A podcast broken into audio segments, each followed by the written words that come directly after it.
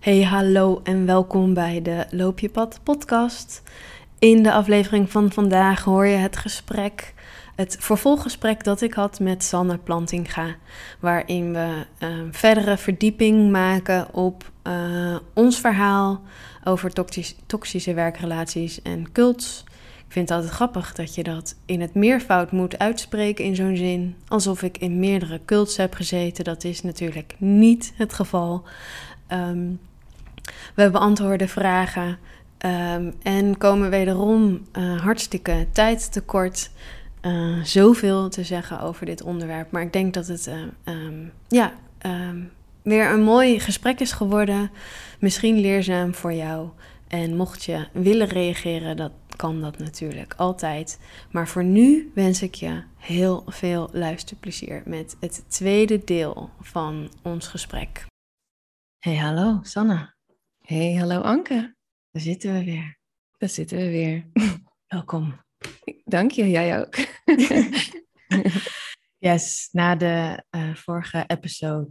En we voelden het eigenlijk allebei al van, oh ja, het is wel echt heel fijn om nog een deel 2 op te nemen. Dus here we are. Ja. Naar aanleiding van de vorige episode over toxische werkcultuur, cult, angstcultuur. Um, zitten we hier om reacties te behandelen, vragen te beantwoorden en ook zelf nog even um, na te, nee, hoe noem je dat? Te evalueren van, hé, mm. hey, wat is er eigenlijk gebeurd en hoe was het en uh, hoe voelde het om dit zo te doen? Ja. Dus misschien kunnen we daarmee beginnen. Ja, ik voel direct al dat ik wel veel, um, ja, wat lichter en relaxter hier zit. Ja. Jij ook? Ja, ik ook. Ja. Totaal. Vorige, ik heb de vorige podcast ook terugbeluisterd. Anderhalf uur duurde die ook gewoon, hè? ja, ik ook, ik ook. Dus in etappes. En toen hoorde ik gewoon echt ook ons in het begin heel erg lang die aanloop zo doen van... Oh, zullen we al, kunnen we al, mogen we al, durven dit al? Ja. Maar dat heb ik nu niet meer zo. Nee, dus, dus we duiken er meteen in. We duiken meteen in, ja. Ja. Ja, so how, how are you feeling na, na afloop van de vorige podcast? Ja, heel goed. Ik vond het, uh, um, toen, die, toen die live ging, vond ik dat wel, had ik wel zoiets van oeh, oeh, weet je wel, zo oeh. Um, een spanning, maar een, een gezonde, fijne spanning. Mm. Uh, zo van, nou, lekker. Het voelde echt zo lekker dat dat, weet je wel, dat dat eruit is. En het, gaat, het ging misschien, het gaat natuurlijk om de inhoud en dat hebben we ook gemerkt uh, aan de reacties. Maar het ging voor mij ook heel erg om, ja, lekker, dit wilde ik zeggen. Weet je, fijn dat, yeah. dat, dat, dat, dat er gewoon uit mocht van ja. mezelf. Um, en dat dat veilig genoeg voelde in mezelf. Um, en um, ja, het, het heeft mij uh, heel veel goed gedaan, merk ik. En ook, ja. dat merk ik ook inderdaad, dat, dat we hier nu gewoon heel, ja, ik zit hier wel heel relaxed. Ja, ja. Wel bijzonder eigenlijk, hè? Of bijzonder. Dan was het denk ik wel een goede set gewoon ook. Ja, ja en ik voelde me ook echt um, excited over... Um, dus voor, voor mezelf, zeg maar, dat die woorden gesproken mochten worden, maar ook voor dat het, dat het weer wat kraakjes um, in, het, in het bolwerk mocht maken. Of zo. Mm. Ik voelde echt van, oh ja, dit, dit heeft zin. Dit is, ja. dit is fijn, dit heeft zin, dit is nodig. Ja, ja. Ja, dat voel ik ook heel sterk. Echt een soort van bekrachtigend iets of zo. Want hè, wij zaten natuurlijk nog met z'n tweetjes die podcast op te nemen. En dan heb ik ergens nog een beetje het gevoel van... oh, dit is misschien... wij doen dit wat geïsoleerd of zo. En hè, wij hebben dit dan wel samen ervaren... maar dan voelt het nog best klein of zo. Maar als je dan al die reacties krijgt... en mensen die dat dan herkennen... en dan voelt het echt zo... het voelt echt gewoon zo wezenlijk en zo belangrijk en in potentie groot. Ja, ik weet niet. Het voelt gewoon echt heel krachtig of zo. Ja. Dat ik denk, yes. ja, het voelt echt zo, zo erachter komen. Ja. Heerlijk. Ik was ook wel, um, toch ook wel verrast door... Dus dat is het grappig, want je denkt, mm. oh, ik heb deze ervaring gehad. Ja. En um, ja, dat, dat is dan ook uniek voor jou. Maar ik was ik ergens dus cognitief wist ik wel dat dit overal in alle lagen op allerlei manieren speelt.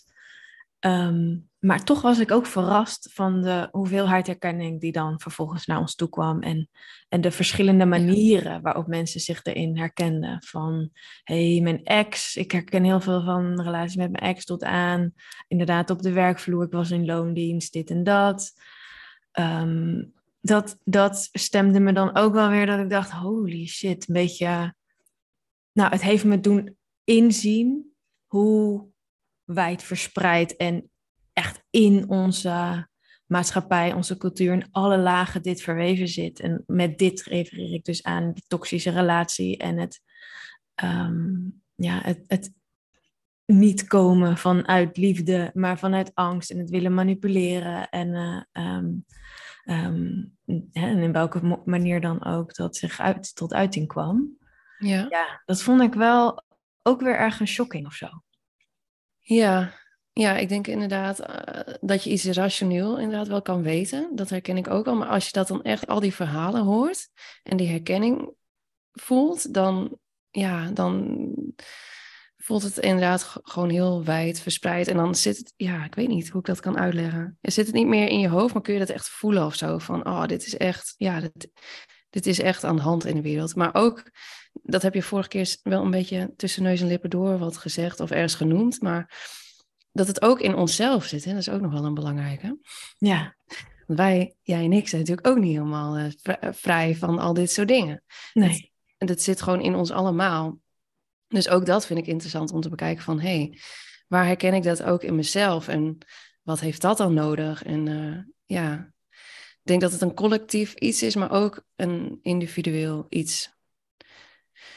Dus dat het ook niet zozeer gaat om, oké, we gaan de boemannen of zo eruit filteren. En dat is ook wel vrij makkelijk om te doen. Ik, ik had het ook nog over Poetin toen de vorige keer dat we, dat we elkaar na afloop nog, nog spraken. En dat soort mensen, die zijn nog vrij obvious of zo. Dat je denkt, oh ja, nou die pik je er zo uit. Maar bij jezelf is dat soms nog wel een uh, dingetje. Dat je denkt, oh, heb ik dat dan zelf ook? En waar uitzicht dat dan in? En wat, ja, waar ben ik dan bang voor? En uh, ja, durf ik dat ook los te laten? En hè, dat is, ja, vind ik ook nog wel een interessante. Want het verandert in het collectief natuurlijk niks als we individueel ons werk niet doen. Ja. Ja. Maar goed, dat is alweer een hele podcast aan zich misschien. Nou, ik zat, ik zat net even op de stoel om dan te vragen naar jou wat je, wat je daarin tegen bent gekomen. Maar ik denk inderdaad dat dat een deviation is die we nu even niet uh, moeten pakken. Nee. Um, om gefocust te blijven op in ieder geval even de sequel te maken van, uh, van deel 1. Ja. Ja. Ja, nou ja, en kort gezegd voel ik me ook zeg maar opgelucht en voelt het gewoon het voelde veilig genoeg ook om dit te doen. Dus dat was ook wel heel fijn. Dat ik niet uh, dacht van, oh god, mijn kop die wordt alsnog afgehakt. Dat viel mee. Ik, ik zit hier nog. Ik leef nog. Ja. ja, nee zeker. Maar dat vond ik ook, dus dat was ook inderdaad echt de opluchting. Terwijl, je, terwijl ik ook eigenlijk wel wist van, ja, er gaat waarschijnlijk niks gebeuren. Maar toch, mm. toch was ik was ik ergens wel alert op misschien negatieve reacties of reacties uit de groep of uh, van hé, hey, wat, uh, wat maak jij ons nou? Of iets, iets in die yeah. trant. En uh, nou, dat kwam allemaal niet. Dus. Nee. en wat. Ik, ja. ja. Oh nee, ik ben dan wel benieuwd inderdaad. Heb je überhaupt reacties gekregen uit die hoek? Nee, nee. Terwijl, ik, wel, terwijl ik wel weet dat ze het gezien hebben. Want ik oh. kan zien, zeg maar, in mijn Insta-volgers wie mijn stories kijken. En uh, ik, ik heb een paar mensen gezien die in de groep zitten, die dat hebben gezien. Hmm. Maar je wordt in deze community heel erg ontmoedigd, vervolgens ook om, hè, om die content dan te gaan luisteren of te lezen. En ik weet, ik, ik weet dat um, ik met alle anderen die uit die groep weg zijn gegaan, daar eigenlijk neer zijn gezet als zwak of oh, die werd bang. Of die kon het niet aan. Die kon de hitte van het vuur niet aan. Allemaal dat soort dingen. Mm. Um, dus, dus in die zin is mijn mening voor hun, of mijn ervaring voor hun ook niet zo uh, um, relevant. Dat voelt nee. voor hun niet, uh, niet belangrijk. En daar staan ze ook niet open voor, wat dat betreft. Nee, nee. nee. Hooguit eh, ik weet dat um, toen eerder vorig jaar dus andere mensen um, zich uit hebben gelaten over, uh, over deze teacher. Toen weet ik nog dat uh, een van mijn vriendinnen die dus in de, in de community zit, die heeft wel die interviews geluisterd, maar niet vanuit... Ja, dus het was wel om ervan te leren. Um, maar de conclusies waren dan wel heel erg... nou, die gingen uiteindelijk veel meer richting wat er dan, ja, hoe, hoe, hoe zwak zeg maar de mens eigenlijk was. Uh, of hoe, um, hoe makkelijk mensen dus bang zijn of getriggerd op het trauma. En dat je daarin dus um, voorzichtiger moet zijn. Maar geen zins van, oh, hè, wat vervelend dat wij dit teweeg hebben mm. gebracht. Uh, laten we uh, contact zoeken, een excuus aanbieden. Dat, dat, dat, zit, dat is gewoon absoluut geen optie. Nee. Zo, zo luisteren ze niet naar die content. Het is meer van, oké, okay, schaadt dit uh, de groep en de missie en, en, en, waarom is dit gebeurd? Maar niet zozeer in de eigen hand in eigen boezem steken, maar meer, um, ja, ik kan het niet zo goed uitleggen. Meer um, het beschermen van de status quo en kijken wat daarin mis is gegaan. Ja, ja, snap ik, ja. Dus het was ergens wel te verwachten dat ze niet ja, zo reageren. Ja, totaal. Ja, maar er, ik voelde ook wel een beetje teleurstelling, merk ja? ik. Ja. ja, nou ja, dat, dus dat, dat, dat, um, dat heeft ook heel erg te maken met wat ik in de vorige aflevering ook zei. Van, het is zo raar om zo, zo dicht bij mensen te hebben gestaan. En mm. daarna doe je er eigenlijk niet meer toe.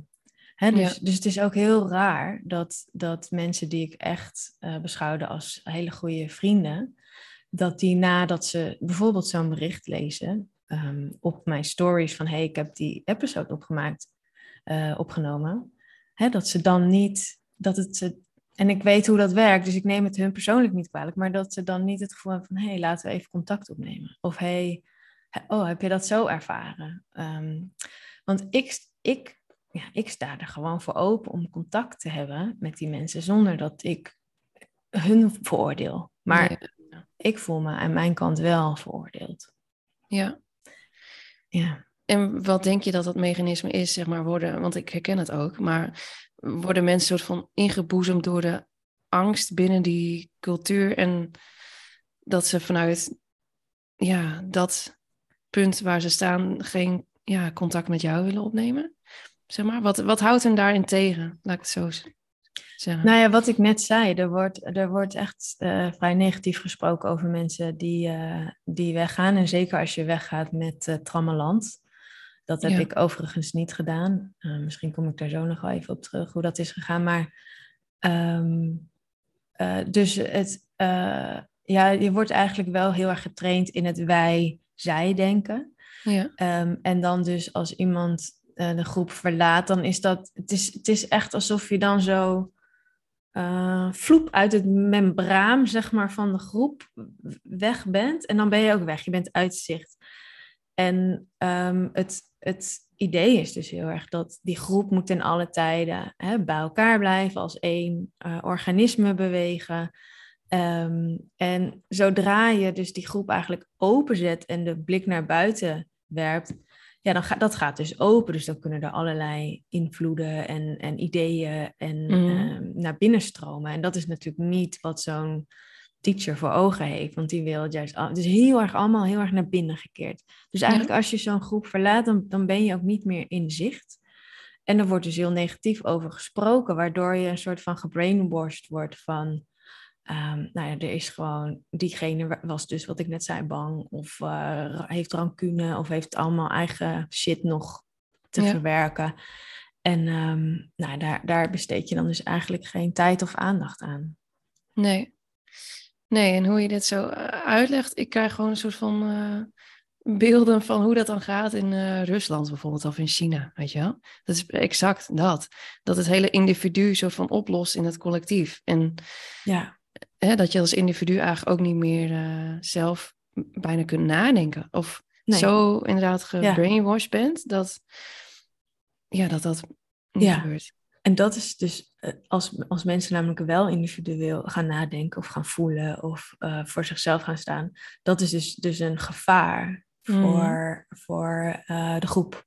Ja. En, en dat is in mijn diepste weten niet zo. Want als iedereen dat zou Mm. doen, zou het helemaal mooi in kloppen. Maar Ja. dat is wel de ervaring die mensen in dit soort groepen hebben. ja. Ehm, ja, en, en het was heel overtuigend, vond ik ook. Als ik terugdenk aan wat hij bijvoorbeeld vertelde over eh, mensen toen ik nog in de groep zat en over mensen die weg waren gegaan. Mm. Ehm, ja, ik dacht, ik dacht ook dat dat ehm, ehm, mensen waren die erop uit waren om hem, zeg maar, een, eh, een mes in de rug te steken. ja. En je, je, je- je hebt het ook maar te doen met die informatie.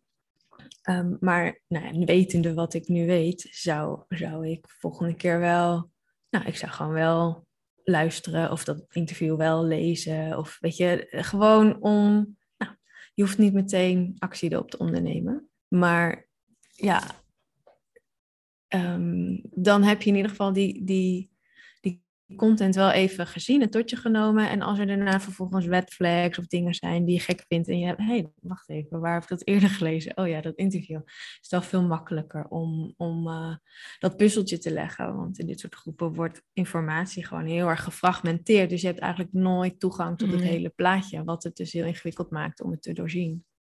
Ja. ja, en dan vraag ik me ook af, hè, stel je voor, want er zijn inderdaad allemaal collectieven hè, op eh, de wereld wat dat betreft, eh, waar, waarin ja, soort van gebrainwashed wordt. En wij denk, ik denk dat wij allebei wel voelen van dat het inderdaad nodig is voor het individu om zelf te blijven voelen en kritisch te blijven denken en een soort van in opstand te durven komen als het nodig voelt. Eh, maar ja, ja en dat dat de wereld ook zal veranderen. Maar jij hebt dat nu, en ik heb dat in feite ook gedaan, maar ik, zat, ik zat wel net wat in een ander soort omgeving misschien dan jij, wat dit betreft. Ik weet niet. Ja, voelt toch net weer wat anders. Maar wat, wat, eh, ja, wat zou jij zeg maar mensen aanraden? Of wat denk je dat mensen inderdaad nodig hebben om, om binnen zo'n collectief eh, wel ja, heel dicht bij zichzelf te blijven? Of in, ja, soort van wel open te blijven staan voor, voor andere waarheden? Ehm, ja, ik denk dat dat, dat dat wel heel erg begint bij de basis in jezelf. Dat je, ehm, de, eh, het klinkt misschien heel gek, maar dat je je veilig voelt in jezelf. Dus ehm, dat, Ja. de, de, het, het, het nemen van tijd om je lichaam te voelen en om in je, echt in je, in je eigen lichaam te zitten. En vanuit daar ehm, de, het vertrouwen te voelen dat je linksaf mag gaan en rechtsaf mag gaan. En dat als iemand iets vertelt wat helemaal tegen de stroom ingaat, dat je dan niet direct denkt, nee, nee, nee, nee, want, want de groep. Maar dat je het vertrouwen voelt om die informatie gewoon tot je te nemen. En dat het, ehm, ja, dat je in jezelf, zeg maar, het, het ehm, mag laten marineren en tot een, tot een conclusie mag komen.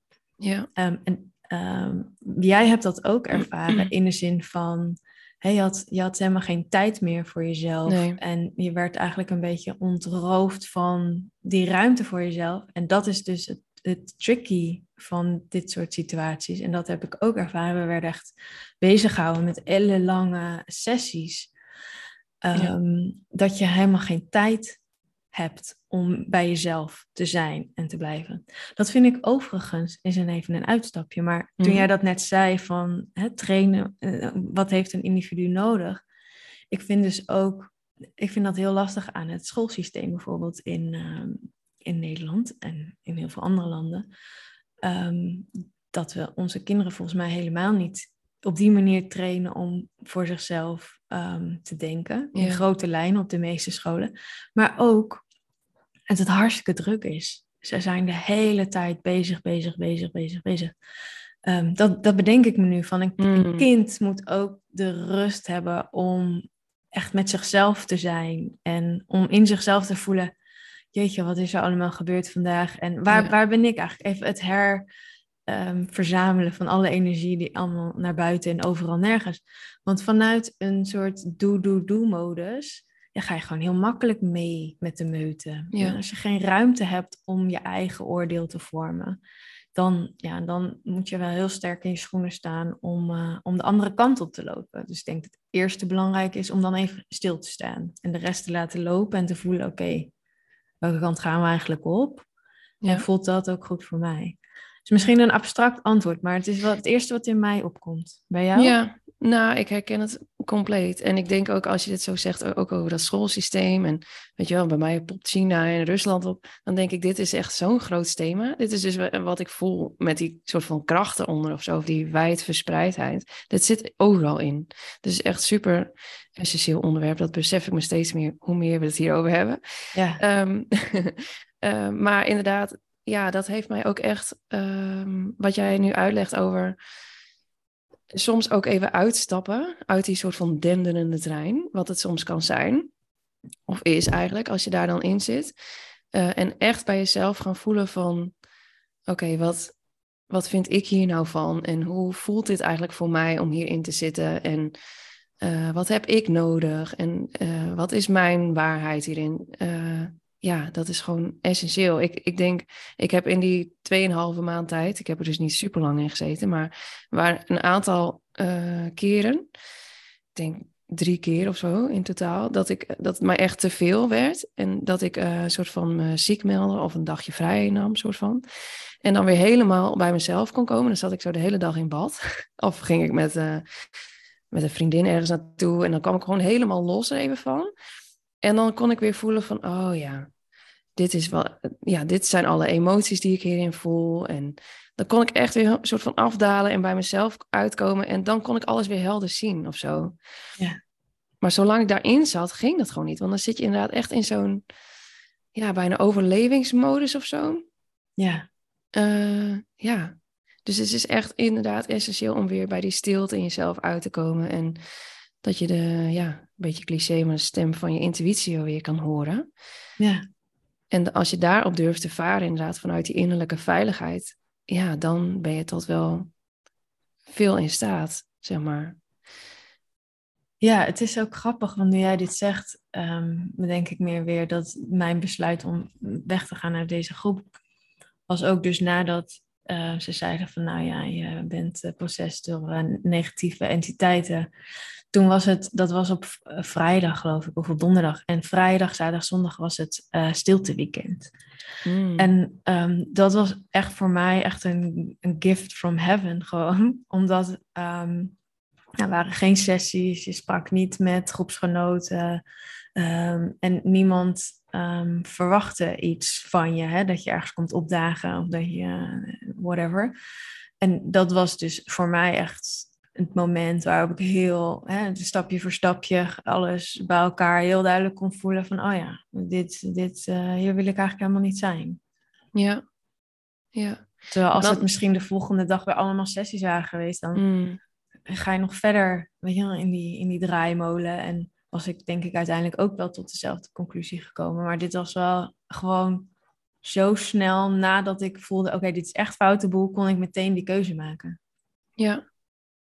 Ja, en dan ben ik toch wel weer nieuwsgierig, want eh, hè, dan, dan denk ik de rest van de groep heeft ook die stilte dagen gehad. Ja. En wat maakte nou dat zij daardoor wel daar bleven en jij niet? Ja. Ehm. Ja, dat is, dat is moeilijk uit te leggen. Maar iedereen, kijk, als je in zo'n groep zit, iedereen heeft daar gewoon zo ze- zijn of haar reden voor. Hè? Dus er, Ja. er was namelijk ook heel veel moois. Mm. Ehm, er, waren gewoon eh, hele mooie mensen. Ehm, sowieso de mensen in het, in het kernteam. Die ehm, hebben hun hele leven, zeg maar, daarvoor opgegeven. Dus je hebt ook heel veel at stake. Eh, Ja. Als je dat opgeeft, dan moet je, zij zouden echt helemaal opnieuw moeten beginnen met het leven leven. Een andere woonruimte, andere vrienden, ander werk, alles. Ehm, financieel. Ehm, dus, en letterlijk ook financieel, er waren, waren ook een aantal mensen in dat kernteam die dus heel veel geld investeerden in, Mm. in deze groep. En dan moet je dus eigenlijk, dus hoe meer je erin Ja. investeert, hoe moeilijker het is om weg te lopen, omdat je dat allemaal achter je laat. Dus dat is één van de dingen. Ehm, en, ik, en ik denk dus, dat is voor de, voor de harde kern, zeg maar, is het heel moeilijk om weg te gaan. Ehm, ja, en omdat je, je, er moet gewoon een moment komen waarop dat, dat basisgeloof breekt. En het basisgeloof is dat deze man, hè, waar ik het vorige keer ook over had, een, eh, eigenlijk meer is dan jij. Meer God, meer schoon, meer zuiver, whatever. Als Ja. dat basisgeloof niet breekt, dan heb je dus geen reden om weg te gaan. Want dan voel je alsof je echt op de meest um, high level, on the e- e- cutting edge uh, spiritual community, alsof je daarin zit. Dus dat, Mm. hè, en, daar, en daar haal je ook heel veel, zit ook heel veel ehm, eh, ja, spiritueel ego, zou ik bijna willen zeggen. En je, je kan daar heel veel van je identiteit ook weer uithalen, van dat je daar dan bij hoort. Ja, Dus ja. dat is voor die harde kern wel lastig. Maar wat interessanter is voor die mensen eromheen een beetje. Wat hen daar houdt. En ik denk dat dat toch echt de good vibes is eh, van de community. En ik ben dus, toen zij naar het buitenland waren, toen ben ik twee keer gegaan. Want ik heb natuurlijk thuis een, een kind. Dus ik ben niet die hele periode ook gebleven. Dus Mhm. ik ben 2,5 week geweest. Toen ben ik weer naar huis gegaan. En toen ben ik daarna nog een keer 2,5 week geweest. Voor mij was het, was, is dat denk ik ook cruciaal geweest om eruit te stappen. Omdat er was een enorm verschil tussen de eerste periode en de tweede periode.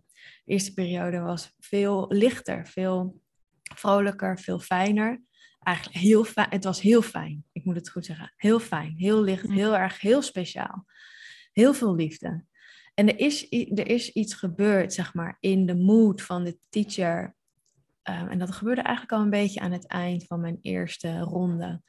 Waardoor de sfeer een beetje begon om te slaan. Toen ging ik eruit, toen kwam ik weer terug en het was grimmig. En, het, en, en ik kwam in, in het huis waar ik toen zou uh, logeren. En het was grimmig, er was geen samenhang, er was uh, iedereen, het was ieder voor zich een beetje op elkaar te, te fitten. En ik voelde gewoon meteen toen ik binnenstapte, oh my god, wat is dit? Wat is er gebeurd? Het was heel, mm. ja, echt die, echt die angst die steeds meer en meer in die groep um, doorcijpelde. Maar als je dus niet eruit bent gestapt en je zit vanaf het begin erbij, dan gaan die dingen natuurlijk ook heel geleidelijk. Mm. En je, je, je houdt je ook vast aan de goede dingen en de goede tijden. En je denkt, nou, dat komt misschien wel terug. En omdat je dat heel graag wil, je wil community en je wil purpose en je gelooft in de missie, uh, denk ik dat je bereid bent om heel veel um, uh, in te slikken. Totdat dus die, die plank breekt waarop je al die dingen hebt opgezet waar je van denkt, hé, hey, wacht eens even, klopt dat wel? En dat is dus die plank, dat is dat hij het allemaal uh, wel weet.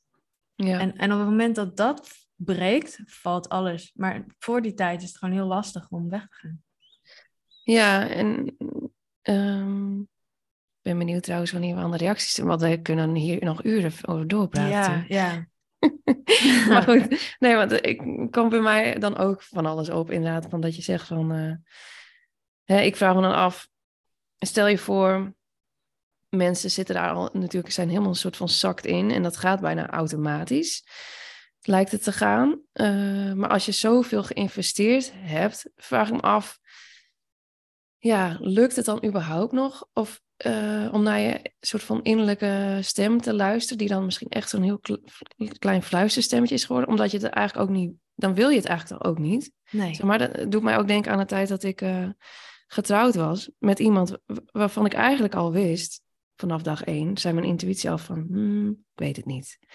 Maar hoe verder je daarin gaat of zo, en hoe meer je investeert inderdaad, ja. uh, hoe moeilijker het is om naar die innerlijke stem te durven luisteren. Want het zou best kunnen dat al die mensen zeg maar, ook ergens wel een beetje zo'n mm, gevoel hebben. Ja. Maar omdat ze al zo geïnvesteerd zijn erin, weet, weet je ergens ook onbewust misschien van ja, maar als ik dan hiervan afstap, dat betekent zoveel voor mij, mm -hmm. dat durf ik niet aan. Weet je ja. wel? Dan moet je inderdaad je hele leven weer opnieuw beginnen. En dat is gewoon super ingrijpend. Um, dus ja. ja. misschien was het voor jou, je, zat er nog misschien met één uh, of paar tenen in. Maar als je met je hele hebben en houden erin zit, ja. dan is het natuurlijk super uh, ja, moeilijk om dat dan te durven doen. Ja, zeker. Ja. Jij, je hebt, um, misschien heb ik dat vorige keer ook uh, gezegd, je hebt zo'n documentaire, um, De Vouw. Ja. En uh, dat gaat dus ook over een uh, secte um, en een secteleider, Keith Raniere heet hij. En die is um, uh, berecht, dus die zit nu in de gevangenis. En daar, dat zie je helemaal in de Vouw, season 2, hoe, hoe, wat de case is tegen hem. Dus je ziet alle verhalen, al het bewijs, is, is, is heel heftig. Wat hij allemaal heeft gedaan um, met mensen. Um, ieder, ieder, zeg maar, als jij en ik naar die, die documentaire kijken, dan denk je, nou ja, als je ook nog maar één band met hem hebt, dan is dat nu in ieder geval, hè, dan is dat nu klaar. Hmm. Maar ja, er zijn dus nog steeds mensen die loyaal aan hem blijven, ongeacht dat. En zij hebben dat allemaal, die hebben, ze hebben die documentaires allemaal gezien, want je ziet hun daarna episodes zelf opnemen waarin ze die, die debrief doen over het kijken van die documentaire. En dit zijn dus aanhangers die blijven gewoon loyaal aan hem. En je, je, het is heel fascinerend om hun te, zien praten daarover. En je ziet gewoon, inderdaad, wat je, ze kunnen het gewoon niet loslaten. Ze kunnen niet, ik, en om, welke reden dan ook. Uh, hè, wat, wat dan de angst of de twijfel of wat daar dan ook onder zit. Maar het is zo fascinerend dat je, je kunt dus al het bewijs helemaal in het hmm. gezicht van die aanhangers uh, tonen. En, en nog vinden ze iets waar, waarom ze dan denken: uh, nee, maar hij is nog steeds de, de God, de Messiah van ons al. En, en, we blijven hem volgen. Het is super fascinerend. En daar, de menselijke geest is, is, ja. is daarin heel, uh, heel malleable, heel flexibel, heel vloeibaar dat is heel prachtig en kan dus ook heel um, gevaarlijk zijn als mensen daar misbruik van maken. En dan zie je hoe diep dat kan gaan. Mm, ja. ja, volgens mij is hier ook een uh, term voor, een psychologische term. Dat op een gegeven moment heb, heb je zelf zo'n verhaal een soort van wijs gemaakt, dat het dan heel moeilijk wordt om dan te erkennen naar jezelf van hm, misschien zat ik er wel naast. Ja. Um, ja, maar goed, dat er staat maar ook van, wel, wel, vaagjes voel ik dat het klopt. maar ik weet de term ook niet meer. Nee, ik ook niet, nee. nee. Oké. Moeten we naar de reacties? Ja, zullen we, zullen we dat doen? Ja? Ja. Um, even kijken hoor. Nou, ik heb hier een vraag en die kunnen we allebei beantwoorden. En ik kan hem denk ik heel snel beantwoorden. Wat was het eerste moment dat je ontdekte dat iets niet in de haak was? Um, ik vind dat uh, uh, eigenlijk een hele moeilijke vraag, want, want er zijn een soort van hmm, oké okay momenten. Ja. En, en, die, die, die waren al, nou ja, maanden daarvoor eigenlijk. Dat ik dacht, hmm, oké. Okay. Maar ik denk voor mij de allereerste echte red flag van, oh hey, wacht eens even, wat gebeurt hier? Was dus dat moment waar ik het net over had, dat ik terugkwam van weg geweest. En in een soort hele dikke, angstige vibe terechtkwam in dat huis. En, en, en dat was voor mij echt dat ik dacht, wat gebeurt hier? Dus het was helemaal niet iets heel, een, een directe aanleiding of zo. Of een, een, dat er iets, iets heel significants gebeurde. Maar dat was echt een gevoel. Echt, een, uh, echt intuïtie screaming. Hmm. Ja. Ja, snap ik. Oké, nou, ik zit ondertussen ook even na te denken. Ik denk dat het bij mij was inderdaad heel, heel veel van die momenten. Hmm, oké, inderdaad. Ja. ja. um, en dat had ik denk ik al redelijk vanaf het begin, denk ik. Um, hè, maar dat, ja, in mijn geval hoorde ik vooral verhalen over nou, hoe mijn persoon zeg maar, met andere mensen omging. En nou, dat er bijvoorbeeld altijd een probleem was met um, leveranciers betalen. Als ze niet tevreden was over hun werk, dan kregen, ze, kregen zij niet betaald. En er was altijd gedoe over. En dat ik al dacht, hmm, ja, dat is raar of zo. De, waarom? Um, maar dat was, was, altijd in relatie tot andere mensen. Ehm, en toen, toen zeg maar die woedeaanval richting mij kwam, toen in die laatste week, toen was echt richting mij zeg maar, gericht. Uh, en eerst dacht ik nog van, ah, misschien is er wel iets in die relatie met die andere gebeurd, hè, wat ik niet weet of niet kan zien. En misschien is er iets met die andere mensen ook aan de hand, hè, dat het wat logisch verklaarbaar is. Maar toen dus het, richt... voordeel van de twijfel. Ja, voordeel van de twijfel. En ik zat er ook niet bij, weet je wel. Dus ik, ja, ik was geen getuige in dat opzicht. Uh, maar toen het echt richting mij ging, toen dacht ik, oh, ja, dit, dit klopt echt niet. Want ik weet vanuit welke plek ik kom en dan is zo'n reactie gewoon echt niet passend of zo. Ja. Uh, dus dat was wel een, een, echt een duidelijke indicatie voor mij van, ah, dit klopt, uh, ja, dit klopt echt niet. Dat is trouwens, denk ik, ook nog even terugkomend op waarom blijven hè, die mensen, dus niet per se de harde kern, maar de mensen eromheen. Ik denk dat dit ook een reden is. Ja. Dat je het dus eigenlijk niet zelf hebt ondergaan. Je hebt het niet zelf ervaren.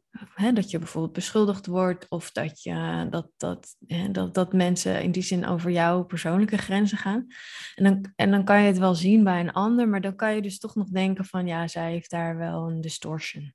Of ja, Zij, zij, zij doet daarin iets. Um, ja. Dus uh, ja. Ja, ook interessant hè? Ja. Jeetje, ja. Jeetje, wauw. Hoeveel, ja. ik denk echt, hoeveel vervolgpodcasts krijgt dit nog? Want er zitten zoveel haakjes aan. Of ja, ik weet niet. Ja, ja anyways. Anyways. Volgende reactie maar. Ja, ik ben ook heel erg benieuwd naar jouw antwoord uh, hierin. Jij mag hem eerst beantwoorden. Oh. Um, hoe verhoud je je nu tot de gedeelde missie die, die, jullie daar hadden? Voelde je dat, dat, dat haar missie jouw missie ook was? En um, hoe verhoud je je daar nu toe? Ja, mooie vraag. Um, nou, ik denk dat ik grotendeels wel in de missie nog geloof, zeg maar. Dus in mijn geval ging het heel erg over je potentie waarmaken en vanuit overvloed leven en ja, je missie op aarde voltooien en dat soort dingen. Dat is ook waar ik helemaal voor sta, dus dat is op zich niet veranderd. Maar ik heb wel ingezien dat de manier waarop, zeg maar, je dat kunt bereiken, dat dat voor mij ook essentieel is. En dat het eigenlijk ook weer onderdeel is van mijn missie, zeg maar. Dus je kunt op verschillende manieren die missie bereiken, wat dat betreft. Maar als het door manipulatie gebeurt en door ja, nou noem het maar, eh, bezitterig zijn, controlerend willen zijn, eh, andere mensen wantrouwen, daar geloof ik niet in, zeg maar. Dus het voelt voor mij alsof er nog een extra deeltje bij mijn missie is gekomen. Zeg maar dat uh, hoe je dat kunt bereiken, dat dat ook essentieel is. Um, dus het heeft mijn missie alleen maar een soort van aangevuld en bekrachtigd, maar ook aangevuld. Verscherpt misschien. En de, de, ik zal hem zo beantwoorden, maar de volgende vraag sluit daar namelijk ook wel bij aan.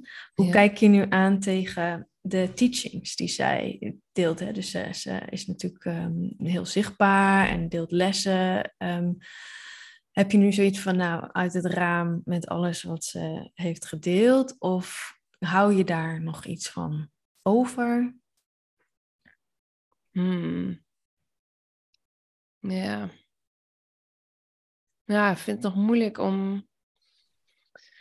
Uh, want het is namelijk niet soort zwart-wit of zo. Uh, Het is niet dat ik nu soort van denk, nou hier, uh, dit was echt allemaal foute boel of zo. En dat is ook het ingewikkelde eraan, dat uh, qua inhoud tenminste, dat heel veel ook wel resoneert. Maar dat, ja, misschien ben ik er nu scherper op dat ik bij sommige dingen denk, dingen denk van, hmm, hier zit ook al iets toxisch in of zo. Mm. Uh, dus dat ik het wel wat meer gefilterd ga bekijken. bekijken. Maar ja, dan denk ik ook, wanneer is iets überhaupt 100% zuiver? Uh, bestaat dat wel? Uh, ja, en ja, ik denk dat ik er dan. Het, ik luister er niet meer naar, zeg maar. Dat is, dat is het er wel.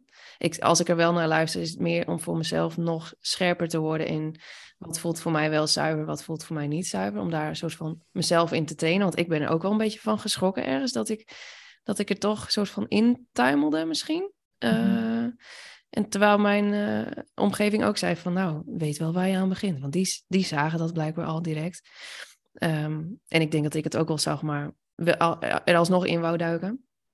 Maar meer als een soort van training inderdaad voor mezelf. Van oké, wat resoneert wel met mij en wat niet. En nou, een beetje zo analyserend. Ehm, ja, maar wat was ook alweer de vraag? Dan ben ik hem even kwijt.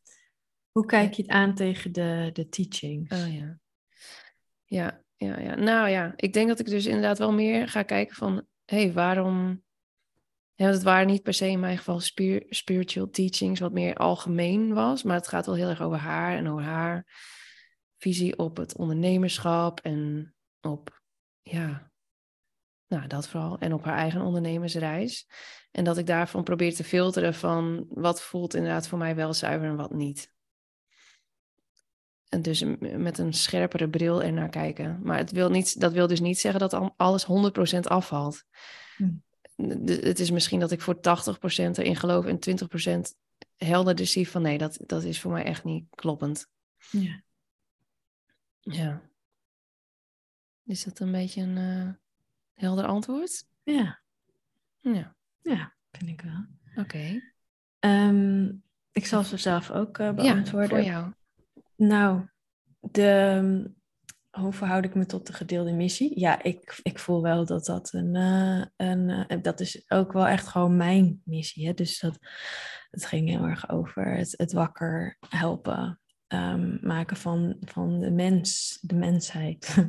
en ik voel wel dat, dat dat is gewoon ook heel erg van mij. En dat voelde ik van tevoren en dat voelde ik tijdens en dat voel ik nog steeds. Dus het heeft daar eigenlijk niks uh, aan afgedaan. En ik herken heel erg, en ik denk dat we dat vorige episode volgens mij ook hebben gezegd, dat het veel meer gaat over de manier waarop dat ik, dat ik daarin uh, ja, een compleet andere uh, visie heb op hoe we dat dan kunnen bereiken.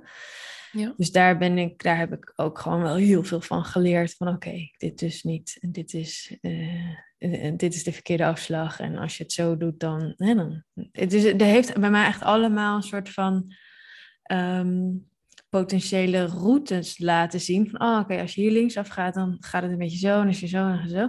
Dus het heeft mij wel heel veel scherpte gegeven ook in Um, hoe, hoe, hoe bouw je een gezonde community bijvoorbeeld? En uh, wat is daar in jouw, wat mag daar in jouw rol als um, aanvoerder of degene die het zeg maar op gang brengt zijn? En hoe, hoe kan je mensen. Wat deed hij niet, wat hij, misschien, wat hij wel had kunnen doen, waardoor je toch steeds vanuit je eigen kracht blijft komen? Dus dat het niet is dat je hem volgt, maar dat, dat je jezelf volgt, maar je bent wel gezamenlijk uh, aan die missie uh, aan het werk. Ja. Dus ik heb daar heel veel van geleerd. Uh, in, in, in zeker um, ben ik in, in, zelf gewoon nog veel scherper op hoe wil ik voor een groep staan en hoe zou ik een groep willen leiden. Ja. Um, dus nee, maar die missie, die pakt hij me niet af. Want dat is gewoon, die is gewoon ook van mij. ja, ja, ja. ja. Ja, mooi. En het voelt ook een beetje, uh, het, ergens voelt het een beetje alsof je dus ook heel erg aan het observeren bent geweest. Ja, ja, zeker. Want ik, wat ik ook vorige keer zei, van ik was heel lang ook nog in de vondstelling van, nou, ik, ik, ik, kan hier, ik kan hier wel wat mee. Ik kan hier iets bijdragen. En uh, wat er misgaat is X, Y, Z. Dus ik kon dat wel observeren um, vanaf een afstandje. Ja. Um, Um, en ik denk dat ik uh, gaandeweg uh, ook, ook dus zeker toen, toen die wat, uh, wat minder leuke dingen gebeurden, eigenlijk groeide daarmee mijn vertrouwen van, ja, daar mag je dus ook echt op vertrouwen dat dat een andere stem is. Is ook echt een, een, een vrouwelijke stem. Niet dat, dat wat hij deed een mannelijke was en dat alle mannen abusers zijn. Maar um, mijn inbreng daarin was wel degelijk veel meer de feminine side of things. En um, ja, ik heb dat wel zitten observeren van, hé, hey, waarom, waarom voelt het hier zoals het voelt en waarom gaat het hier zoals het gaat? Ja. Maar ik had ja. in het begin niet het vertrouwen om, om, om te denken, uh, Oh ja, oké, okay, nee. Ik, en, en nog niet het meegemaakt. Hè? Dus ik kon, ik kon mm. nog niet voorzien. Oké, okay, als je dit pad dus loopt met je groep, dan gaat het een beetje daarheen. Ook wel naïef hoor. Ik, ik ben heel blij met deze ervaring in de zin dat ik nu veel beter snap hoe het, ehm, hoe het collectief in disbalans is. Ja. Tussen het mannelijke en het vrouwelijke en, en het onderdrukken van uh, het een. Ja. Ja, mooi. Ik, ik denk ook, uh, ons, ook hoe meer we hierover praten, hoe meer ik denk dat onze ervaringen echt zo op elkaar lijken. Uh, want ik denk dat ik ook, net zoals jij, gewoon wel steeds, hè, we zaten aan de ene kant erin, maar aan de andere kant hebben we ook steeds een soort van, er stonden we genoeg los van om te blijven observeren en te blijven voelen, een soort van langs ons uh, innerlijke wijsheid te laten gaan van oké, wat, ja. wat zien we hier gebeuren, wat klopt hier wel, wat klopt hier niet. Ja. Um, en dat is ook denk ik essentieel om er uiteindelijk weer uit te kunnen stappen om wel genoeg ook afstand te mhm. kunnen blijven bewaren. Want als je er helemaal zakt in bent, en dat zag ik ook bij mijn teamleden bijvoorbeeld, die zaten er zo in, die konden zeg maar niet meer van afstandje naar kijken en observant zijn als het ware. Dus dat herken ik ook heel erg in onze verhalen. hebben zij gereageerd op, uh, op de app? Hebben ze het geluisterd en gereageerd? Ja, ja. Wat was hun reactie? Uh, of tenminste niet allemaal hoor, maar um, ja, ik denk namelijk dat ik de meeste reacties heb gekregen überhaupt van mensen die ook in die kring zaten rond, rondom mijn persoon. Ja. Um, en ja, wat wa waren hun reacties? Nou, heel veel herkenning. Uh, iemand zei, ja, ik herken woord voor woord wat je hebt omschreven in de podcast. Dat het toch ook weer een opluchting voor me was. Dat ik dacht, oh ja, zie je wel, ik ben niet gek. Steeds weer een soort van bevestiging. Um, wat ik niet per se had verwacht van diegene ook. Dus ik dacht, oh ja, dat, dat is wel weer um, bekrachtigend of zo. Dus um, ja, ja, en niet alleen dan van teamleden, maar ook van klanten of ex-klanten. Um, wat ik ook niet had verwacht. Want ik dacht, en het speelt alleen achter de schermen. Maar ook een soort van, ja, ik weet niet, voor de schermen, dat is niet echt voor de schermen, maar uit een andere groep wordt het ook herkend. En uh, uh, ja, dat deed die mensen ook weer goed. Die dan ook weer het gevoel hebben van, oh, zie je wel, ik ben ook niet gek. Zeg maar, dus die herkenning, dat doet gewoon heel veel. Dat geeft heel veel bekrachtiging. Um, en ja, even denken. Nou, ja, ik denk dat. Ja, en ze vonden denk ik gewoon heel moedig dat, uh, dat wij dit aankaarten en openbreken. En nodig. Eh, ja, ook nodig. Want eh, dit kan wel gebeuren en je kan er misschien onderling wat over hebben. Maar als we het echt soort van ja, publiekelijk over hebben, dat is wel, ja, dat is wel weer next level. En dat vinden mensen dus wel echt heel moedig en, en nodig. Uh, dus ja, ik ben vooral een soort van gecomplimenteerd daarop. Fijn. Ja. En dan, ja, dat het mij niet om de complimenten uiteraard gaat, maar het gaat wel een soort van, ja, het is fijn dat, dat daar voortouw in wordt genomen. En dus ja. Ehm, ja. ja.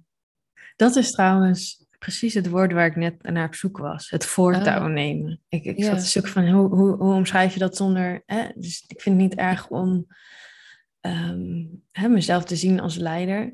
Maar ik voel wel van dat dek, dat is ook niet helemaal wat ik wil zeggen. Het is het voortouw nemen. Dat is, dat is het. Ja. Precies. Ja. Cool. Ja. Um, en hoe ik tegen zijn teachings aankijk. um, ik heb dus heel veel um, cult recovery uh, podcasts geluisterd. Ook uit, uit grote fascinatie ook. Nog steeds dus deels vanuit, oké, ik heb nu dit ervaren. Maar ik zat er uiteindelijk echt ook wel heel kort in. Hè? Maar mensen zitten er echt jaren en jaren in. Dus ik heb ook um, hè, gehoord van mensen die dan compleet alles helemaal het raam uitgooien. En denken, uh, het zal wel.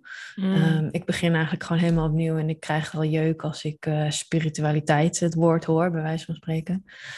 Um, maar ja, dat, dat gevoel heb ik niet. Dus ik, ik, ik heb absoluut van het, het niet de baby met het badwater uit, uh, uit het raam gooien. ik weet niet of je badwater uit het raam moet gooien. maar... Dan de baby erachteraan. Ja, dus, oké. Doe, ja. doe maar niet. Um, maar, uh, Volgens mij gaat het gezegd een beetje anders. ja, iets met de baby in de badwater.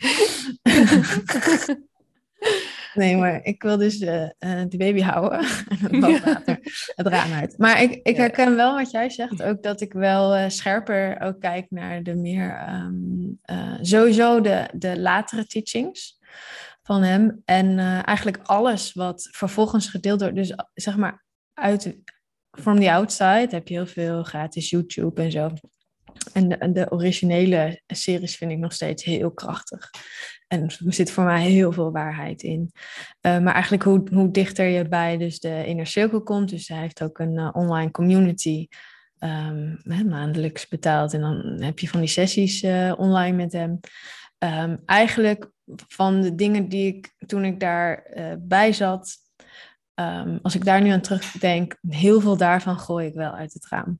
Want daar, mm. ging, daar ging dus, dat was eigenlijk denk ik het, het, het uh, eerste moment van de indoctrinatie begint daar met zijn teachings over zijn team en hoe hij dan het bedrijf leidt en hoe die, gewoon hoe die praat over. Um, ja, ik weet niet. Ik kan ja, het, het, gaat, het is eigenlijk, het gaat alleen maar de hele tijd over hetzelfde. En het gaat uiteindelijk uh, voelt het heel erg voor mij nu, als ik er nu naar kijk, het hele doel van die teachings is um, met name dat hij een podium krijgt, dat hij heel lang mag lullen, dat hij aan, alle aandacht uh, krijgt op zichzelf. En wat zegt hij nou eigenlijk? Ja, ja. In plaats van dat die mensen dus zelf bijvoorbeeld aan het werk zet of zelf laat voelen of vraagt, hey, hoe voelt dat nou voor jou? Het is geen grote oratie en um, ja, daarin begint eigenlijk wel die training van hem uh, adoreren als degene met alle antwoorden. Dus dat, dat, die stukken gooi ik wel uit het raam. En waar, ik me echt heel erg um, in het begin heel bewust van af mocht bewegen, mm was, waren alle teachings over die er eigenlijk voor zorgen dat je je disconnect met je lichaam. Dus het spirituele bypassing van emoties bijvoorbeeld. Um, ja, ja. En, en, um, uh, ja, en eigenlijk het hele strenge en harde uh, op alles wat dus... Uh, ja, gewoon boosheid, kwaadheid, verdriet. De, ja, de, de soort van angst om dat te voelen, omdat je dan een distortion hebt. Of de, het, dat niet willen voelen, want dan ben je minder verlicht. Weet je wel, dat soort uh, dingen. Daar heb ik me heel bewust van um, losgemaakt. Ja, ja. En daar had je waarschijnlijk ook wel deze eigen ervaring voor nodig, denk ik dan, of niet? Um, ja, ik denk het wel. Ja, mm. want als ik gewoon weg was gegaan omdat het niet in mijn levens, um, omdat het niet in mijn leven zou passen, weet je wel? Want dat was ook een van de vragen van, hey, hoe zat het dan uh, met je zoon? Um, kijk, het moest gewoon wel een combinatie worden uiteindelijk tussen uh, alles. En, en dat, dat was gewoon sowieso heel moeilijk allemaal te combineren. Het moederschap en een eigen bedrijf. Nou, dat kan je sowieso wel vergeten. En dan onderdeel zijn van deze community. Maar dus stel je voor, ik had de keuze gemaakt van, nou, dit past gewoon niet. En ik was niet weggegaan op de manier waarop ik best wel weg was gegaan. Dan had ik inderdaad nog meer, denk ik, in mijn rugzak gehouden. Omdat ik dan veel minder, wat ik net zei, oh, dus deze route leidt daarheen. Had ik dan veel minder inzicht op gehad. En waarschijnlijk nog veel meer geloofd van, hé, hey, dit, dit is de manier. Ja, ja, ja, interesting. Oké. Okay. Hebben we nog meer vragen? Ja, wil je er nog eentje? Nou ja, we zijn nu toch bezig. Ja, we zijn lekker bezig. um, omdat ik het net over Floris had, dan kan ik die ook wel even beantwoorden. Uh, wat was de impact die dit had op de relatie met jouw zoontje? Kon je die wel zien toen je daar woonde? Dus dat vind ik een hele mooie, uh, logische vraag dat je je dat afvraagt. Hmm. Um, nou, toen ik verhuisde naar de plek waar deze community woonde, toen um, was ik zo uh, net weet je, weg bij mijn ex. En um, ja, Floris kwam gewoon bij mij daar op bezoek. Dus we deden toen al een soort co-ouderschappig. Uh, waren gewoon een beetje aan het zoeken van hoe werkt dat. Af en toe was ik een weekend thuis met hun. Af en toe kwam Floris een paar nachten bij mij. Um, dus, uh, en, en voor hem was het daar fantastisch. Het was een heel groot gebouw. Er woonden ook andere kindjes die heel leuk waren. Ehm, dus zeker de eerste paar maanden, want toen was de teacher nog in het buitenland met zijn vaste team. Toen, toen, hè, toen was het nog, zat ik nog helemaal niet hierin. En was het gewoon een woonplek en was het echt mega super chill. Ehm, pas, ehm, dus dat was ergens zo rond maart, denk ik, 2021. Nee, 2022. Toch? Nee, 2021. Ja. 2021. Ja. Gosh, moeilijk die jaren. 2021. ja, time flies. 2021. En um, eigenlijk, want ik zat dat nog later uit te rekenen, van hoe lang ben ik nou echt wat dichterbij gekomen bij deze community. Dat gebeurde pas in oktober um, 2021. Uh, omdat toen um, begonnen zij uh, toen was er een retreat op die locatie waar ik woonde en vroeg ze of ik daaraan mee wilde uh, vrijwilligen. Toen heb ik dat gedaan en toen ben ik ook, eigenlijk had ik dus een moment uh, een paar maanden eerder van, hey, ik voel, ik ben done met deze teacher, deze teachings, ik voel me complete. Ik kan hier niks meer halen. Dat was heel duidelijk. Maar toen kwam hij weer terug met dat team wonen in dat gebouw. En toen gingen ze daar dus een retreat doen. En ging ik vrijwillig. En toen, ben, toen heb ik me dus aangemeld voor die online community. Omdat ik geen idee had anders wat er, wat er aan de hand was. En waar die retreat over ging. En eigenlijk ben ik er toen weer een soort van ingezogen. En um, in uh, december en februari ben ik toen dus twee keer tweeënhalve week weg geweest. Dus wat Floris daarvan heeft meegemaakt is dat ik twee keer tweeënhalve week weg was. Mm. En ook natuurlijk wel dat ik uh, heel erg zoekende was. Het is, het is ook een gekke periode natuurlijk na 18 jaar mm. samen met mijn, uh, mijn ex het allemaal helemaal opschudden, uit elkaar gaan, zoeken. Ik op een andere plek wonen. Toen ging ik naar het buitenland. Dus tuurlijk heeft daar, daar dingen van gemerkt. Alleen ik ben nooit um, helemaal weg geweest. Of uh, het is nooit. Uh, en het is ook nooit mijn intentie geweest om met deze groep mee te gaan en Floris niet mee te nemen of, of daar niet iets voor te bedenken. En ik wist niet hoe dat zou werken. Stel je voor, het gaat helemaal fantastisch en we, we zetten een hele mooie groep neer en het voelt helemaal goed. Um, ja, dan vertrouwde ik er ook op dat dat dan in het moederschap ook wel goed zou komen.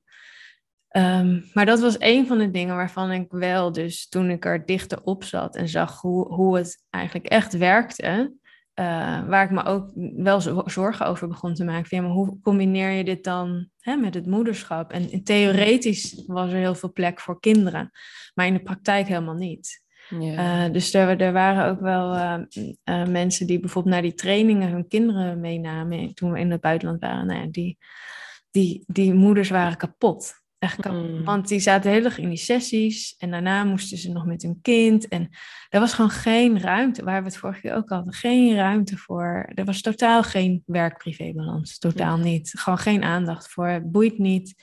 Uh, either you're all in for the mission en dan regel je het maar. Ja, um, ja dat klopte voor mij ook echt niet. Ah, ja.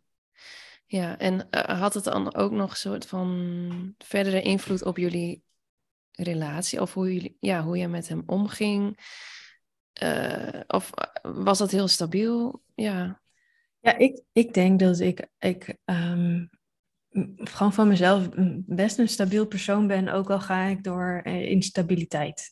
Mm, um, ja. Dus ik denk dat, um, hè, dat ik dat heel makkelijk wel, hè, als ik daar was, dan was ik daar. En ik, ja, ik kon die schakel wel makkelijk maken. Um, ik, hij vond het helemaal niet leuk dat ik toen die tweede keer weer wegging naar het buitenland. En dat snap ik ook heel goed. Maar ik voelde zo sterk dat ik dat moest doen. En achteraf ben ik dus heel blij, want anders had ik er misschien nog steeds een beetje half bij gehangen. Ja. Ik moest gewoon terug. Dat voelde heel duidelijk. Dus ik denk, nou, toen moet ik wel eerlijk zijn, de, die tussenperiode van de eerste keer gaan en de tweede keer gaan, toen hebben we het huis te koop gezet en waren we allemaal daarmee bezig.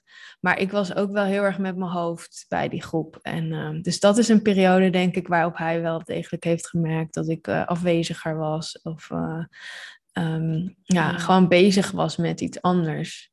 Ja. Ja. Ja, ja. en ik, ehm, dit was een vraag voor jou, hè? Mag ik hem ook behandelen? Ja, zeker, zeker. ik ben ook moeder.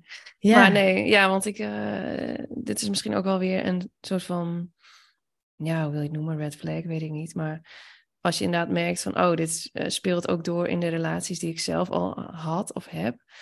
Um, dat had ik namelijk, ja, wel best wel. Dat ik, uh, nou ja, dat zei ik in de vorige podcast al, best wel gestrest was en zo. Dat ik dacht, oh god, uh, ja, de kinderen moeten nu naar school en hop, hop, want ik moet weer aan het werk. En mm. of tussendoor, als ik dan uh, met de kinderen was, dan, en dan werd ik gebeld en was ik zo een uur aan de telefoon, terwijl mijn, mijn dochter zeg maar aan de deur hing van mama, mama. Dus ja, dat, dat hebben ze bij mij ook wel gemerkt. En ik weet nog een keer, ik probeerde hun de, daar steeds ook wel over uit te leggen, dat ik een soort van nieuw werk had en uh, bij iemand zat die, uh, ja, waar ik wel veel stress van kreeg. Maar ik was er wel vrij open in, denk ik. Dat mijn oudste dochter op een gegeven moment op de fiets ook tegen me zei van, naar school toe van mama. Uh, want dit is ook wel een beetje wat ik hun bijbreng. Hè? We zei, mama, je moet, niemand is de baas over jou. Hmm. En je mag volgen, uh, ja, je mag doen wat je, wat je het allerleukst vindt. En luister naar je hart en echt dat soort. Oh. Ze kwamen zo uit haar, ze is zeven. Ja, en uh, dus zij, ja, ergens hebben ze mij ook wel nog duidelijker doen inzien van, ja, dit, uh, hmm. dit moet gewoon niet. Want ik, ja, dit is ook super belangrijk voor mij, weet je wel, het moederschap. En als het zo'n impact daarop heeft, dat klopt gewoon niet. Ja. En ook dat heb ik inderdaad ervaren van dat dat niet, niet echt toe deed of zo, het moederschap. Dat vond, en dat matchte bij mij ook al helemaal niet, want het is voor mij wel een hele belangrijke waarde. Dat is überhaupt het feit dat ik uh, zeg maar niet fulltime wou werken, dat werd me al niet in dank aangenomen, zeg maar. Mm-hmm. Um, maar voor mij wel een belangrijke indicatie ook van, nou, dat idealiter zou dat gewoon ook belangrijk moeten zijn. Dat, dat, dat daar ook ruimte voor is, inderdaad. Ja. Dus uh, ja, een mooie vraag. Ja, en, en Floris heeft natuurlijk niet, die was er niet bij toen ik zeg maar die tweede etappe had, waarin ineens voor mij alles veranderde. Ja. Maar um, daarna zijn wij natuurlijk wel uh, direct uit. Hè? Dus bij, bij, inmiddels woonde ik half, nee, ik woonde heel op die locatie en hij half. Maar toen ik terugkwam, ging ik ineens, hè, ik moest ook mijn, uh, mijn huis natuurlijk uit. Want ik was niet meer onderdeel van die groep. En, en dat gebouw was gewoon, dat stond, hè, dat, dat was die groep. Dus ik wilde daar gewoon zo snel mogelijk ook weg. Um, en en uh, toen heb ik hem ook wel natuurlijk uitgelegd, nou ja, uh, in kindertaal waarom we dat deden. Toen heb ik volgens mij iets gezegd van, nou ja, weet je, ik dacht hè, dat we iets heel moois gingen bouwen en daarom ging ik daarheen. Uh, maar uh, ik heb het niet in detail verteld, maar uiteindelijk waren ze gewoon niet zo lief voor mij en dat voelde niet goed. En toen ben ik weggegaan, maar dat betekent dus ook dat we hier weggaan. Toen zijn wij in ons oude huis gaan wonen, wat toen te koop stond. En mijn ex had toen inmiddels een uh, appartement, dus die kon daarheen. Um, ja, dus hij, het, heeft, het heeft wel veel flexibiliteit ook van hem gevraagd. Mm -hmm. um, maar ik, had, ik heb wel ook, zeg maar, op zielsniveau heel erg het uh, ik voelde me heel erg ondersteund door hem. Heel erg van, mm. nou, ga het maar even uitzoeken en kom maar weer terug als je het weet, weet je wel. Ja, ja, ja. Uh, uh, ik, ik wil gewoon hier mijn ding doen en mijn vriendjes zien. En je zoekt het maar even uit, mama. Zo'n gevoel had ik er een Ja. beetje bij. Ja. ja, dus ik, ik denk dat hij er heel goed mee is omgegaan. Een beetje gepaste afstand. dat misschien ook heeft aanschouwd en naar zijn ding van geleerd op zijn manier. Ja, ja, mooi. Dat herken ik ook wel. Oké. No nog meer vragen? Of wat ik heb er doen? nog eentje. Ja? Nog doen? Ja. Ja. Oké. Ehm, voel je je verantwoordelijk om meer bewustzijn te creëren rondom, rondom deze persoon? Of kan het geen kwaad zijn teachings te volgen als je niet te dichtbij komt? Hmm. Ja, dat vind ik een hele goede vraag. Ehm, en ehm, ik denk dat het bij mij eh, heel erg eh, in stapjes gaat. Dus ik voelde bij de vorige aflevering heel erg zoiets van, nou, laat, hè, laat ik eerst maar eens gewoon het verhaal vertellen en, en ehm, die stap zetten. Ja. En uh, wat, wat wel ook bij mij gebeurde is toen, weet jij nog dat ik zei van, ik weet nog steeds niet, is het nou met een liefdevolle intentie, volgens mij vroeg jij dat, van is die nou dat met een liefdevolle intentie begonnen en een beetje van het padje afgeraakt? Of um, is, het, hè, is het gewoon een evil person? Hmm. En dat ik zei, ja, dat weet ik, dat, dat, is, dat is voor mij echt de hamvraag. Maar toen dacht ik daarna, het woord narcisme viel toen ook. En toen dacht ik, ja, eigenlijk weet ik daar niet zo heel veel van. Dus ik ben toen wel um, wat video's gaan beluisteren. En um, eigenlijk bij de allereerste video die ik beluisterde was door een self-aware nar narcissist. Dus iemand die zich van zichzelf bewust is dat hij narcisme heeft. Mm -hmm. En hij legde uit hoe, hoe kan je een narcist herkennen en, en hoe voelt het om in relatie te zijn met een narcist? En toen dacht ik, godverdorie. Ja, ja, ja, dit is echt één op één. Dus dat, Mm. dat vond ik heel bijzonder. Niet alleen mijn eigen ervaring, maar dus ook wat ik heb gelezen en gezien en gehoord van anderen.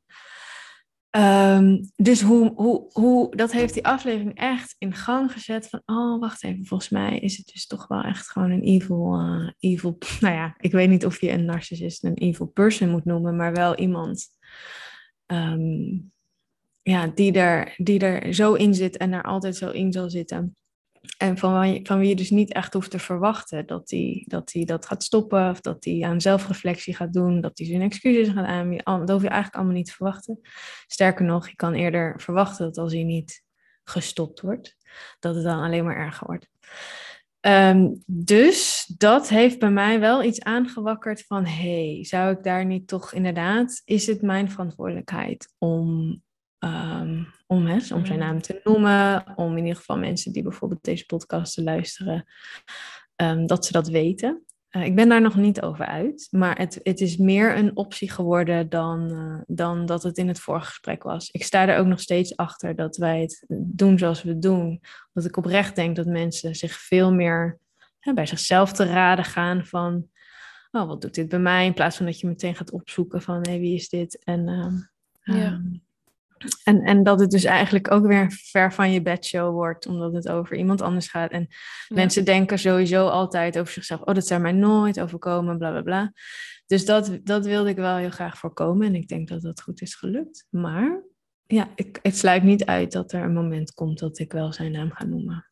Ja, ja, ja. Precies. En, eh, maar dan vind ik het wel interessant wat je zegt over dat narcisme. Want die term is bij mij ook wel gevallen, zeg maar, richting mijn persoon. Ja, Eh, maar jij zegt ook van, ja, maar dan kan ik de hoop eigenlijk wel opgeven. Ja, ik merk in mezelf dus dat ik nog wel hoop, Ja. hoopvol ben. Misschien idealistisch en, na- en naïef. Maar als je dan ook zegt van, hè, die persoon van een podcast of zo, die dan self-aware narcist is. Mhm.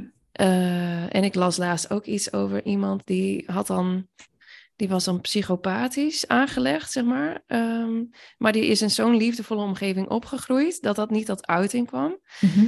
Dus dan vraag ik me ook af, zeg maar, wordt iemand inderdaad een soort van narcistisch geboren? En wat is dan het verschil tussen, zeg maar, de mens en de ziel, wat dat betreft? En valt dat, valt het nog te helen?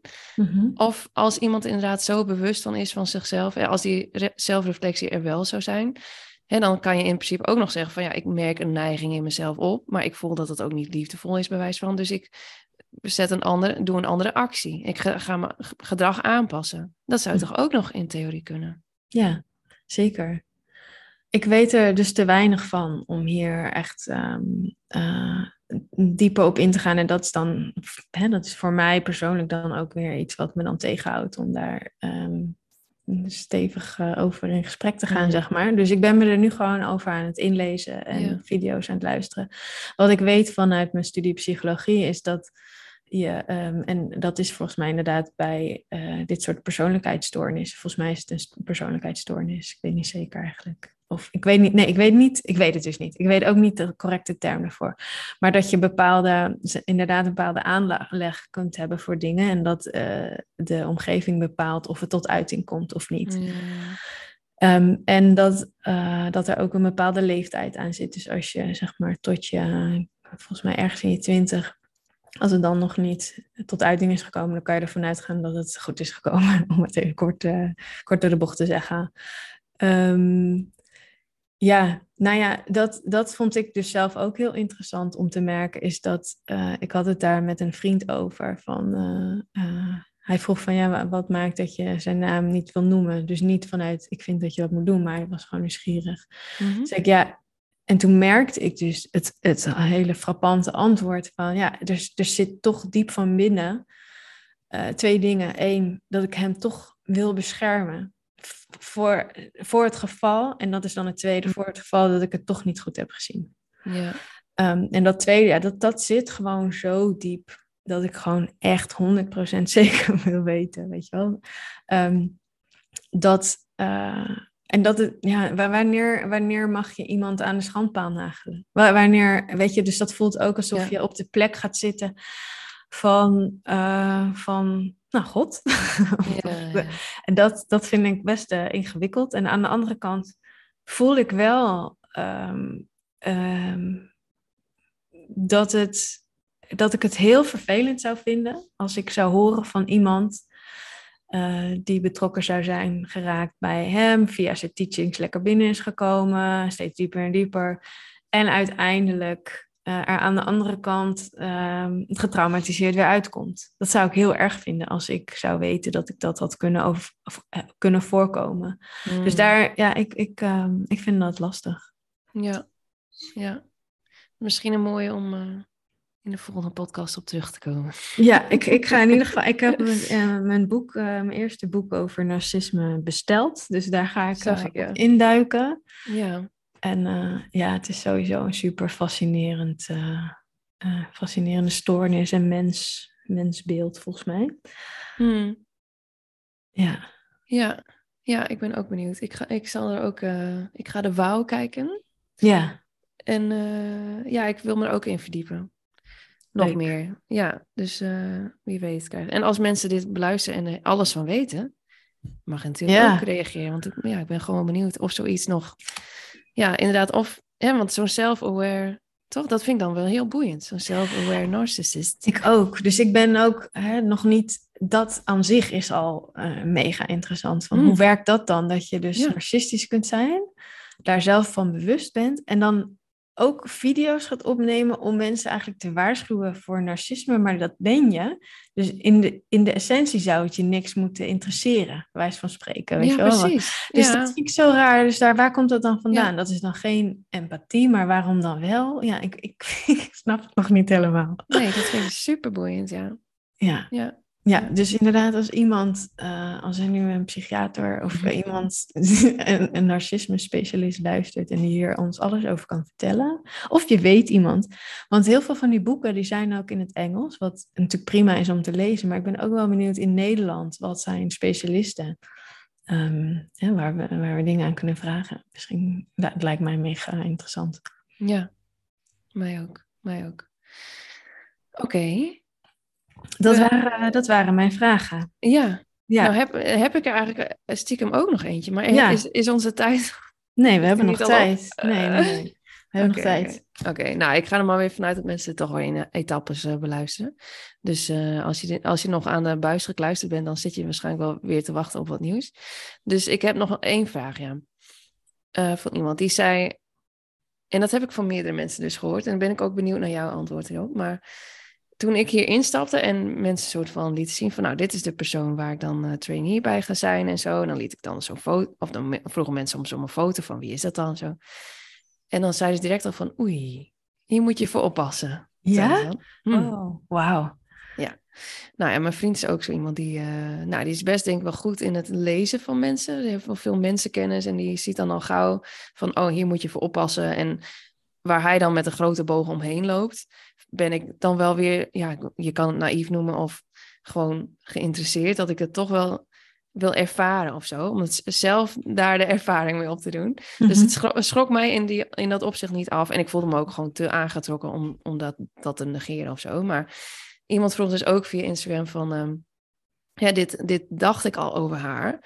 Of dat wist ik intuïtief misschien al. Uh, wist, ja, wist je dat zelf niet, zeg maar? Zag je dat zelf niet? Um, ja, dus dat is een vraag.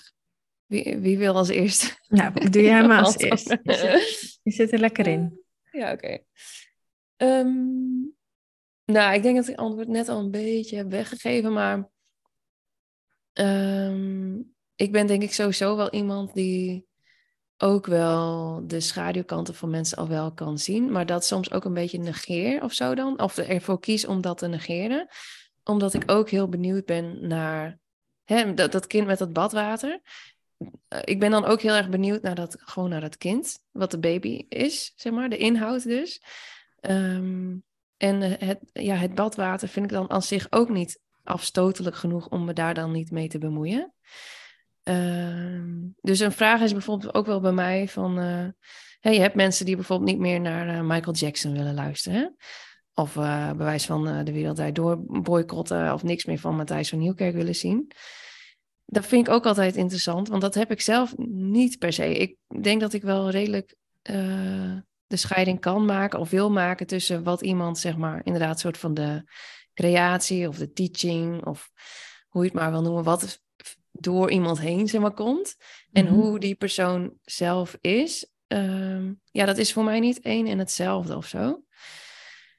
Eh, en dat is wel weer wat een andere antwoord op, op de vraag, besef ik me. Maar ja, ik denk dus dat ik intuïtief wel zag van, oh, dit gaat een uitdaging worden, want...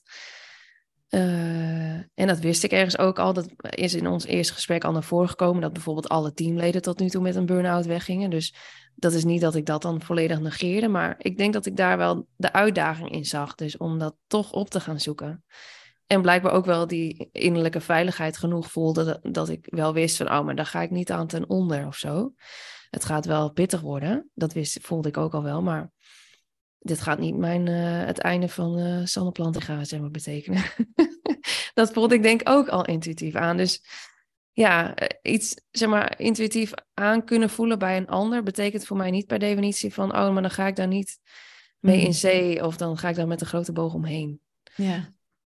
Maar dat gezegd hebbende, denk ik wel dat ik nu wel extra scherp ben op zeg maar dat soort dingen. Dat ik wel denk, oh ja, ik zie nu wel eerder van, nou misschien is iemand wel inderdaad een narcist en daar kan ik wel last van gaan hebben. En dat mijn zelfbescherming nu wel extra groot is geworden. Ja.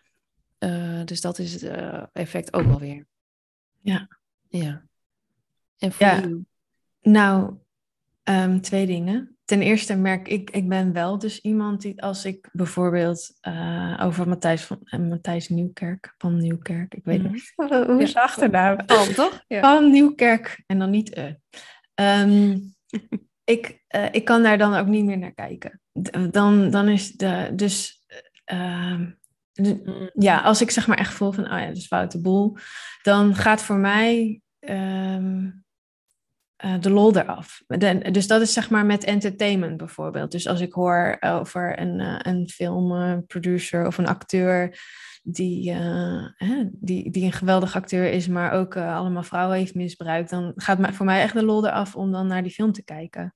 Mm-hmm. Dus het, terwijl die, die spirituele teachings uh, ik niet allemaal het raam uitgooi, maar dat voelt voor Ja. mij dus, dat voelt voor mij als een verschil. Uh, als in, dat zijn een soort van universele waarheden.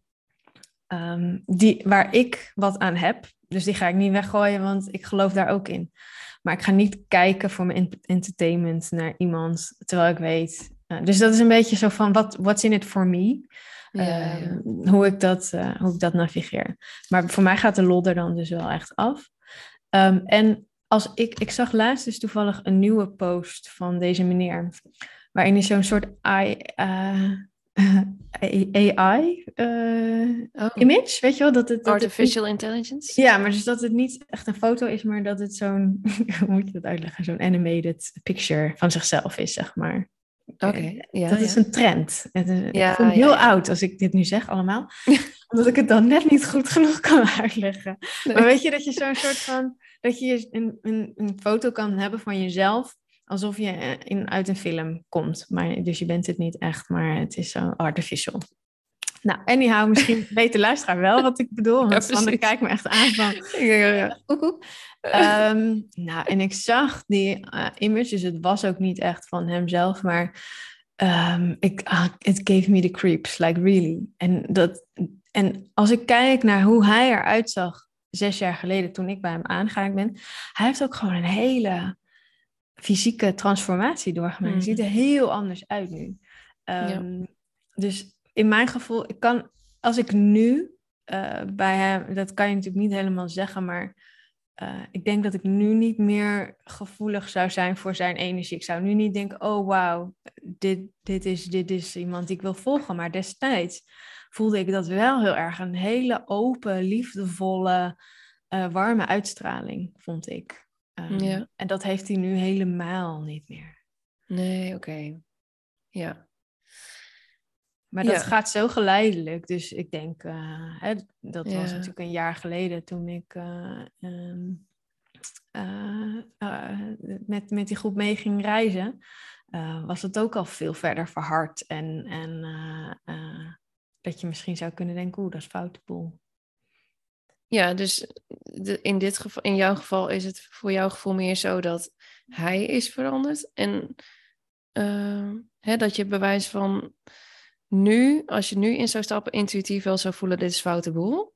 Maar omdat hij een paar jaar geleden nog niet hm. zo geëxtreem, noem je dat? Ja. Extreem is geworden. Ja. Uh, dat je toen intuïtief voelde van, nou, dit, dit uh, kan wel. Ja, ja dat is wel een mooie samenvatting. Ja, oké. En dan vind ik het toch nog wel interessant, want ik merk dat ik daar vrij eenzaam in ben in, dit, uh, in deze visie. Maar Zie jij dan niet, zeg maar, dat gaat meer in weer over de vraag van, hè, kun je de, de teachings scheiden van mhm. de teacher of een beetje zo? Zie je dan niet, zeg maar, de, wat iemand teacht of ja, bewijs van uh, de muziek die iemand maakt of, nou ja, in Matthijs van Nieuwkerks geval uh, de entertainment die hij maakte. Maar dat dat, zeg maar, die pure creatie, dat dat iets heel zuivers is, wat zeg maar door iemand heen komt. En dat dat in feite dus niet zoveel te maken heeft met de persoon waar het doorheen komt. Snap je dan wat ik bedoel? Ja, snap ik helemaal. Maar de, de, de muziek. Ehm, kijk, als die muziek dan vervolgens tot stand komt uh, in een kamer waarbij uh, mensen worden afgeblaft. Ja, ik heb daar dan mm, gewoon geen nee, rol meer in. Nee, en dat, nee. dat weet je dan natuurlijk niet. Ja. Maar dat weet je in het geval van Matthijs van Nieuwkerk dus wel.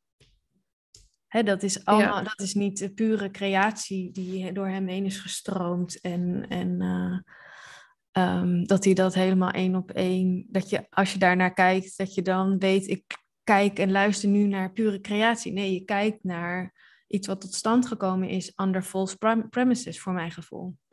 En op het moment dat ik dat weet, dan kan ik daar niet meer van genieten mee. Nee. Maar dat betekent niet dat ik um, hem.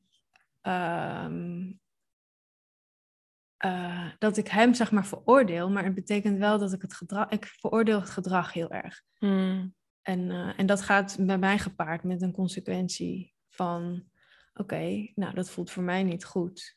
Um, dus ja, als het zo moet, dan niet dan gewoon niet. Dan maak je maar geen televisie, Matthijs. Hmm. ja. ja. Dan gaat het kind dus met het badwater in. Dan ga, ja, ja, ja. Ja, nou, ik blijf het wel interessant vinden. Want het is niet zo dat ik nou heel erg voor, aan de buis gekluisterd ben en elke avond nog Matthijs van Nieuwkeer kijk. Maar ik vind het wel, in, hè, voor, mijn, voor mijn gevoel is een creatie wat soort van door je heen wil stromen, is heel zuiver, heel puur. En het, ik vind het dan ergens ook weer zonde, inderdaad, om dat kind dan met het badwater weg te gooien. Niet dat ik dat dan het kind heel erg nu nog bestudeer, maar ergens voelt het dan toch zonde en jammer of zo. Dat ik dan liefst voor wie? Van... Voor wie? Waar, voor wat? Nou, kijk, want ik, uh, dat maakt het voor mij dus niet zo zwart-wit. Ook met die teachings van uh, jouw persoon en nou ja, de visie van mijn persoon. Ergens zit er ook heel veel puurheid in. Maar omdat het soort van gepaard gaat met hoe dat dan de wereld in wordt gezet, omdat dat niet klopt, dan ga ik het liefst daar meer aan sleutelen. Zodat het geheel wel weer ehm, helemaal gezond is en liefdevol. Dan dat ik zeg van nou, pleur maar op met alles. Ja, nee, maar dat vind ik ook heel mooi. Alleen in bijvoorbeeld um, de gevallen waar je het nu over hebt, Michael Jackson of uh, Matthijs van Nieuwkerk, dan voel ik heel erg, ja, maar ik heb helemaal niet die uitnodiging gekregen om eraan te sleutelen. Nee, nee, nee. Er is niemand die mij heeft gevraagd. Dus, dus er is niet de intentie om, om dat zuiverder te willen doen of om dat aan te passen. Dus voor mij voelt het echt als een verloren strijd om daar dan mijn energie in te stoppen. Nee, dat snap ik wel. Dus misschien ook niet aan ons eh, persoonlijk. Dus maar zoals je het nu omschrijft, kijk, ik ja. kan het wel bestuderen. En dan hè, weer op die obs- observatorstoel gaan zitten en kijken, oh grappig, dus hoe hij nu hier praat, dat is dus precies waarom dat gebeurt achter de schermen. Dat zou ik dan wel interessant vinden. Ja. Maar dan, wat, wat moet ik vervolgens met die informatie? Als, Oh, dus ik, ja, ik, ehm, Ja, ik wil gewoon mijn energie daar stoppen waar ik, Ja, waar ik wel dat voel ik. dat ik iets teweeg kan brengen. ja. ja, dat snap ik. Want ik zou ook zeggen, ik denk dat, dat dan, zeg maar, dat voortouw nemen, dat daar ook gewoon mijn energie naartoe wil stromen in ieder geval. Dat, dat het niet zoveel zin heeft om dingen misschien te stoppen, maar wel om bewustwording hiernaar te brengen en ook in onszelf te kijken van wat, vanuit welke toxische plek kom ik eventueel nog, zeg maar.